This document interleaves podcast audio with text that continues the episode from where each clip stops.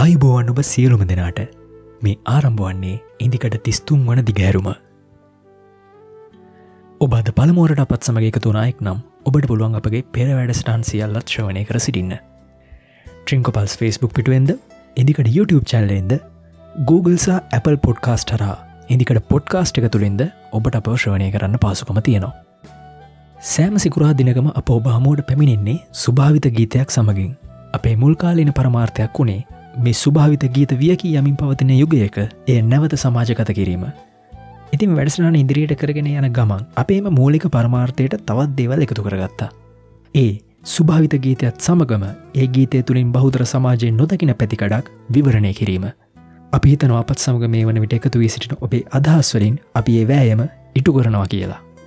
කෙසේ හෝ මෙවරත් අපි රැගෙනාව සමාජ කතිකාවතක් ඇති කළ හැකි මාතෘකාවක් වස්තු බීජය කරගත් සුභාවිත ගීතයක්. මේ ගීතය ගැන කියනවනම් මෙහි පදරචනය රත්මලේ බන්දු ගුණවර්ධනයන්ගෙන් සංගීතය විජය රන්දරණතුන්ගයන්ගෙන් ගායනය නිර්මලා රණතුන්ග සමඟ සෙව්වන්දී රණතුන්ග වැඩි කතාවක් නැතිව යොමු උවාද අපේ වැඩිසිටනට මදුරංග කතා කරම වෙන අපි. සහන් බොහෝ ආගම්වලට අනුව බොරු කියන එක ලොකු පාපයක්. ඇත්තටම පුංචි බොරුවකට පුළුවන් ලොකු විනාශයක් කරන්න. මනුෂ්‍යයෙක් තමන්ගේ ජීවිත කාලය තුළ නොකළ යුතු ප්‍රධානම බොරුව තමයි තමාට බොරු කියන එක. තමන්ට බොරු කරන පුද්ගලයට කිසිම සාර්ථකත්වයක් ආත්ම තෘප්තියක් ලබා ගන්න බෑ. ඇත්තටම පුංචි දරුවන් බොරු කියනවට දෙමාපියන් කැමති නෑ. හැබැයි නිතර දෙවෙල්ලේ බොරු කියන පුංචි දුවක් හිටිය. මේ දුව බොරු කියලා ගොඩාක් සතුටුනා. පොඩි කාලේ මෙහෙම් බොරු කිව්වතින් ලොකු උනාම තව මොන මොන වගේ බොරු කියද කියලා ඇගේ අම්මට ප්‍රශ්නයක් තිබුණා. ඉතින් නිස්කලංක දවසක මේ පුංචි දුවට බොරු කියන එකේ ආදීන්නව පැහැදිලි කරන්න ඕන කියලා අම්ම කල්පනා කරුවා. ඒ හින්ද පුංචි කතාවකින් බොරු කීමේ ආදීනව කියල දෙන්න මේ අම්ම උත්සාහ කළා. ඔන්න ඉතින් මේ අම්මා ලස්සන කතාවක් කියන්න පටන් ගත්තා. ඔන්න පුතේ මම ඔයාට ඇත්ත කතාවක් අද කියන්න යන්නේ. එකමත් එක කාලෙක ලස්සන පුංචි කුමාරිකාවක් හිටිය. ඉතින් මේ පුංචි කුමාරි හරිම ලස්සනයි. මෙයාට රජමාලිගාවේ හැමෝම ආදරය කළා හැබැයි මෙයාගේ නරක පුරුද්දත් තිබුණා. ඒ තමයි මෙයා හැම තිස්සෙම බොරු කියනවා. ඉතින් මේ පුංචි කුමාරී බොරු කියනව දැක්ක යක්ෂයෙක් මේ කුමාරි ඈත කාන්තාරකට එක්කගෙන ගිය. මේ චූටි කුමාරි හයියෙන් ඇඩුව හැබැයි කාටවත් ඒ කුමාරිව බේරගන්න පුළුවන් වුණේ නෑ. මේ යක්ෂය මේ පුංචි කුමාරි සිංහයන්ට කන්න දැම්මා. දැක්ක නේද බොරු කියන පුංචි ළමයිට වෙනදේ. මේ අම්මා තමන්ගේ පුංචිදුව බය කරන්න හිතාගෙන ඒ කතාව කිව්වා. හැබැ මේ අම්මගේ කතාව ආලා මේ පුංචිදුව බය උුණු බවක් නම් පෙන්නුවේ නෑ. ඇය තමන්ගේ සිංගිති ඇගිලි හුරතලයෙන් පිරිමදිමින් හිටිය. මගේ දුවට මම කියපුදේ තේරුණාද අම්ම කරුණාවෙන් නැහුව.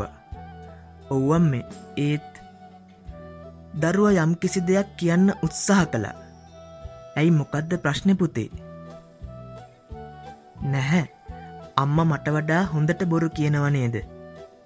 දරුව හුරතල් සිනාවක් පාමින් කිව්වා. අම්මට කට උත්තර නැති වුණා. තමන්ගෙදුව ඒ තරම් බුද්ධිමත් විදියට හිතයි කියලා මේ අම්ම හිතුවෙනෑ. ඇත්තටම සමාජ විද්‍යාවට අනුව දෙදහවසරෙන් පස්සේ ඉපදුණු පරම්පරාව හඳුන්වන්නේ ඉසෙට් පරම්පරාව කියලා. වර්තමානය මිලේනියම් පරම්පරාව සමඟ ඊට පෙර පරම්පරාවන් සමඟ සංවේදනය යෙදනු ආකාරයට කටයුතු කිරීමෙන් පලක් වෙන්න නෑ. මොකද ඔවුන් ඉපදුනේ වේගවත් තාක්ෂණික දියුණුවක් හා ලෝකෙම විශ්ෂ ගම්මානයක් වුණු කාලයක හින්ද. ඒ හින්ද පෙර පරම්පරාව වැරදි කර කර දරුවන්ට හොඳට හැදෙන්න කිව්වට වැඩක් වෙන්නේ නෑ. ඔවුන්ට විතරක් නෙවෙයි. අපිට වනත් මේ සමාජයේ මිනිස්සු හඳුනගන්න බොහොම අමාරුයි. මොකද මිනිස්සු හැම වෙලාවකම ඔවුන්ගේ සැබෑසරූපයෙන් පෙනී ඉන්න නැති හින්දා.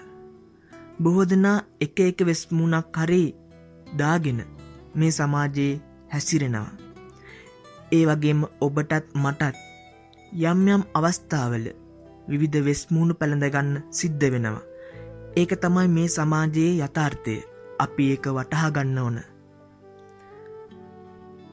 මිනිස්සු වංචා කරනවා මිනිස්සු වෙනස් වෙනවා මිනිස්සු වෛර කරනවා කියලා ඔවුන්ගෙන් ඈත්වෙලා ජීවත්වෙන්න ගියොතින් ඇත්තටම අපිට මේ ලෝකෙ ජීවත්වෙන්න පුළුවන් තැනක් හොයා ගන්න බෑ.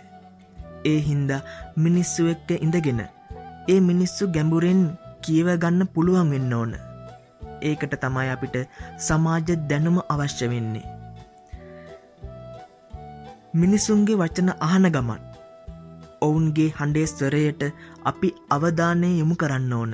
මොකද වචන සහ වාක්‍ය බොරු කළත් ස්වරයට බොරු කරන්න අමාරුයි. මොකද මිනිස්සුන්ට පුළුවන් හිනාවෙන ගමක් ඇස්වලින් ගිනි පිට කරන්න. උන්නසුම්ම අතට අත දෙමින් සුභපතන ගමන් හිතින් අසීමිතව වෛර කරන්න පුළුවන්.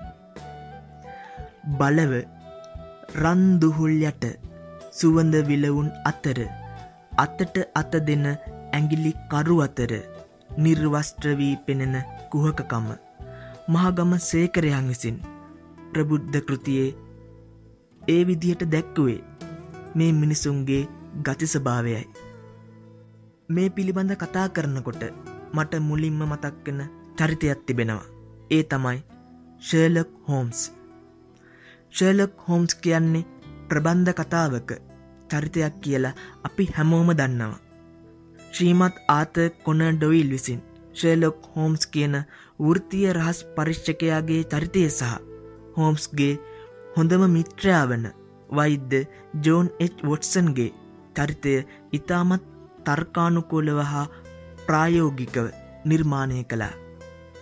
ඒ හින්දම ඒ චරිත පාටකයන්ට ඉතාමත්ම තදින් සමීප වුණා.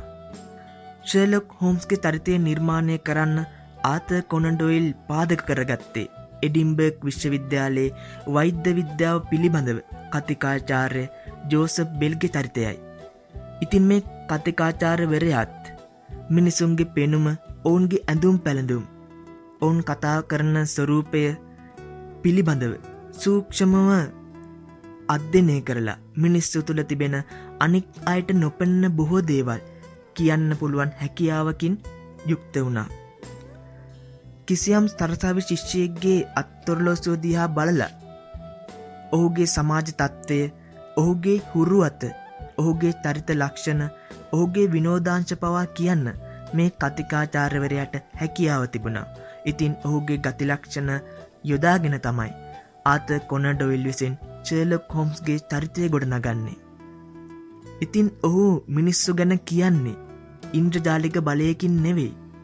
ඒ සඳහා ඔහු සරල නිරීක්ෂණ හා පරිශ්ෂණ කිහිපයක් පමණ යොදාගන්නේ. සමහර මිනිසුන් පාලකින් ව්‍යාපාරකින් නිරීක්ෂණ කිසිවක් කරන්න නැතුව බොරුවට හිතවත් බවක් පෙන්වන සේවකයන් කියන කේලම් මහලා වැරදි නිකමනවලට ඉක්මනිගෙන අවස්ථා අපි ඕන තරම් දැකල තිබෙනවා. ඉතින් කියන්නා කෙසේ කීවත් අසන්නා තමන් රැස්කරපු තොරතුරු මත පදනම් වෙලා තර්ක විතර්ක ගොඩනැගීම ඔස්සේ අවසාන නිගමනවලට පැමිණීමෙන් ඉතාමත් දීගුකාලීන සාර්ථකත්වය ලබා ගන්න පුළුවන්. ඉතින් ශේලොක් හෝම්ස් ගැන කතා කරපු නිසා. එම කෘතියක එන පුංචි කොටසක් උපුටාගන්න ඕන කියලා මා කල්පනා කළා. මේ ඒ කොටසක්. මම හිතන්නේ ඔබ මෑතකදි වාසය කරලා තියෙන්නේ ඉන්දියාවේ. ඔබගේ සැමියා ඉන්දියාව රඳවා තිබෙන බ්‍රිතාන්න යුද හමුදාව නිලධාරියෙක් කියලා මට හිතෙනවා. හෝම්ස් කිව්වා. හෝම්ස් මහත්තය ඔබ කොහොමද මේ හැම දෙයක්ම ඇය පුදුමයෙන් හැව්වා. ඔබ හුඟාක්ම සුදු කාන්තාවක්. ඒ උනත් ඔබ සෑහෙන කාලයක් අවරශ්මීට නිරාවරණය වෙලා තිබෙන බව පේනවා. උතුරු යුරෝපය සහ එංගලන්තය මෙවර ඉතාම දීර්ඝ චීත ඉර්තුවකට මුහුණ දුන්නේ. ඒත් ඔබ මෑතකද ජීවත් වෙලා තිබෙන්නේ ඒ ප්‍රදේශයක නොවේ. ඔබ රැගෙන ආව කුඩේ මම දැක්කා. එහි ලීමිටේ ඇත්දලවලින් යෙදු මෝස්තරයක් දකින්න පුළුවන්. ඒ ඉන්දියාවටම විශේෂිත අගනා මෝස්තරයක්. ඒ වගේම ඒක වටේට සවි කරලා තියෙන පිත්තල ආවරණයේ තියෙන්නේ හමුදා අනුකණ්ඩයක ලාංචනයක්. ඉතින් ඉතාම සරලව මනාව පැහැදිලි. මේ කුඩේ ඉන්දියාවේ සේවය හැර එන හමුදා නිලධාරියකුට හෝ ඔහුගේ බිරිඳට දුන්නු ත්‍යාගයක් කියලා.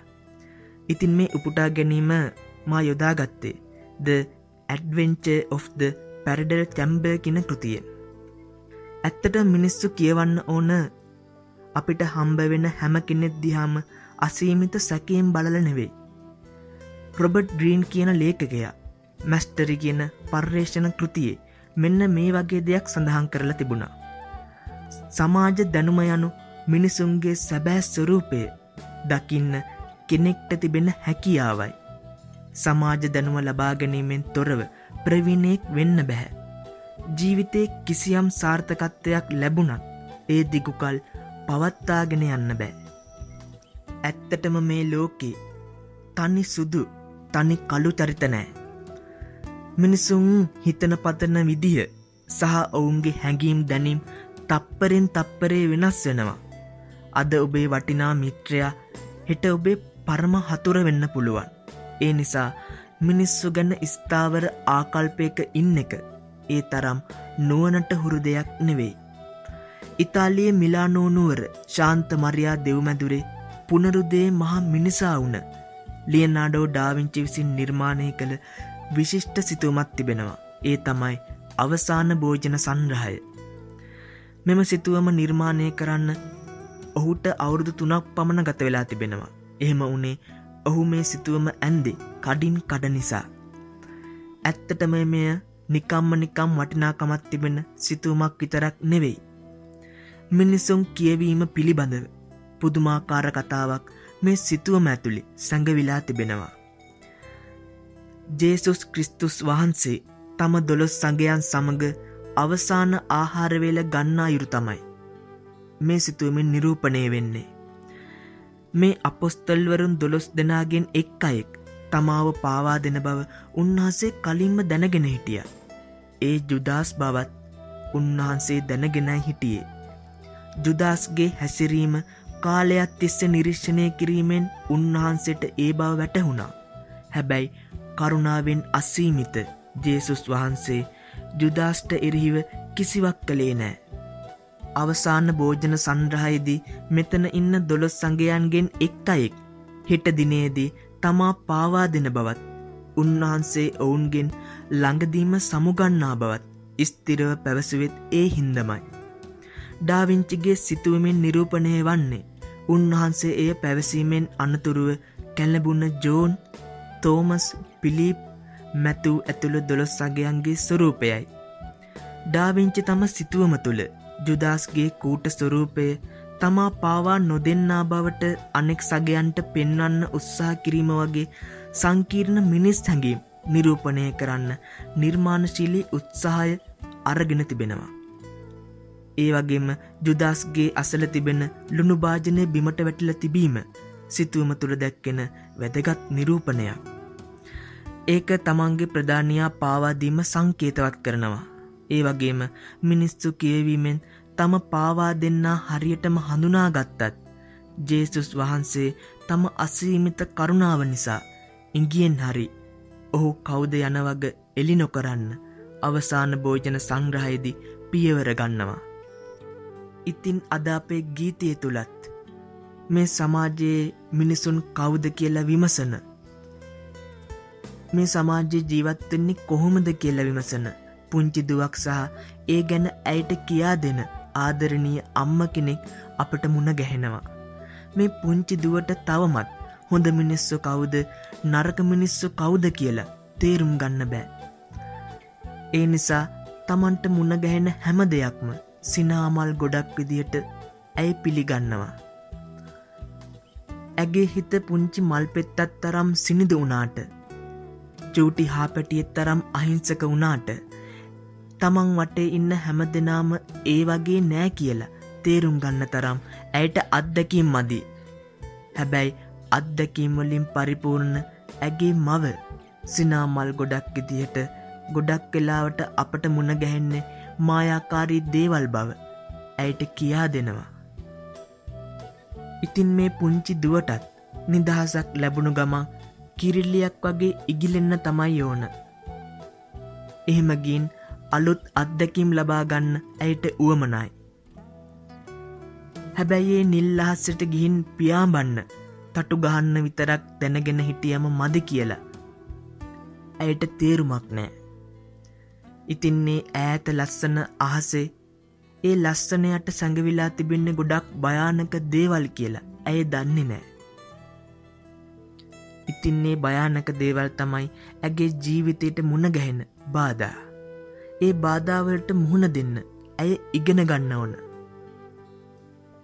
ඉතින්නේ ගැන මේ අම්මා ඉතාමත් ලිංගත විදිහට කියා දෙනවා. ඉතින් කාලයක් ගතවෙද්දි ගොඩක් අය ඇවිල්ලා මේ පුංචි දුවට හරි ලස්සන වචන කියාවි තලිල පොඩි වෙලා හුරුනැති මේ පුංචි හිතට පාට පාට හීනගෙනත් පුරවාවි. මේ පුංචිදුවත් ඒවට රැවටේවි හැබැයි හරි ඉක්මනට ඒ පාට පාටහින්න වියකිලායාවි. අන්න එදාට මේ පුංචිදුවගේ නිල්පාට ඇස්වලට කඳුළුවේවි. හරියට අමාරුවෙන් මුතුකට එකින් එක අමුණල හදපු මුතුවැල එක පාරටම ඉහිරිලා ගියා වගේ. හැබැයි මොන අම්මද කැමති තමන්ගේ පුංචිදුවගේ ඇස්වල කඳුළු දකින්න. එහෙම දෙයක් වෙන්න කලින් ලස්සනට පේන හැම දේකටම ජීවිතයට පිවිසෙන්න ඉඩ දෙන එක අවදානම් කියලා මේ අම්මා තමන්ගේ පුංචිදුවට හරි ආදරයෙන් කියල දෙනවා. අහන්න ආසයිතුරු හිස කුරුල්ලු ගීපිරේ අහුලා ගන්නද සවනට මිහිරි අම්මේ. ගැයනා මුතු කැටපදවැල් සීරෙන විට කඳුළු ගලයි. ඒ ගී උල්පත් ගැන නෑ මගේ දූ දන්නේ. කඳුළු මල් ගොඩක් පාර දෙපැත්තේ. නෙලා ගන්න එපා මගේ පුංචි මල් කුමාරියේ.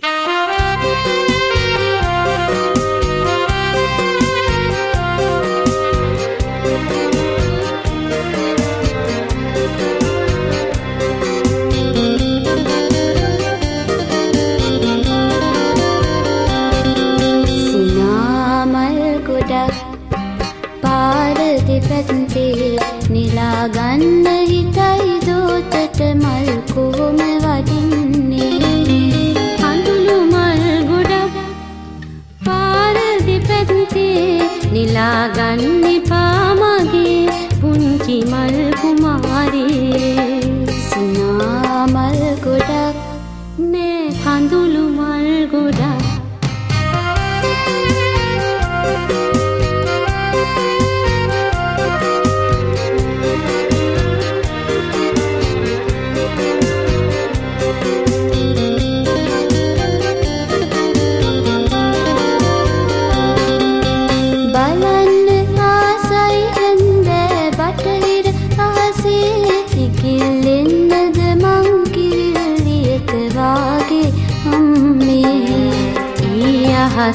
සුළං කකුළු විදුලියකුණු මන්දාරම් මේ විශ්වයේ රටාව තව නෑදූදන්නේ සිනා මල් ගොඩක් නෑ කඳුළු මල් ගොඩක්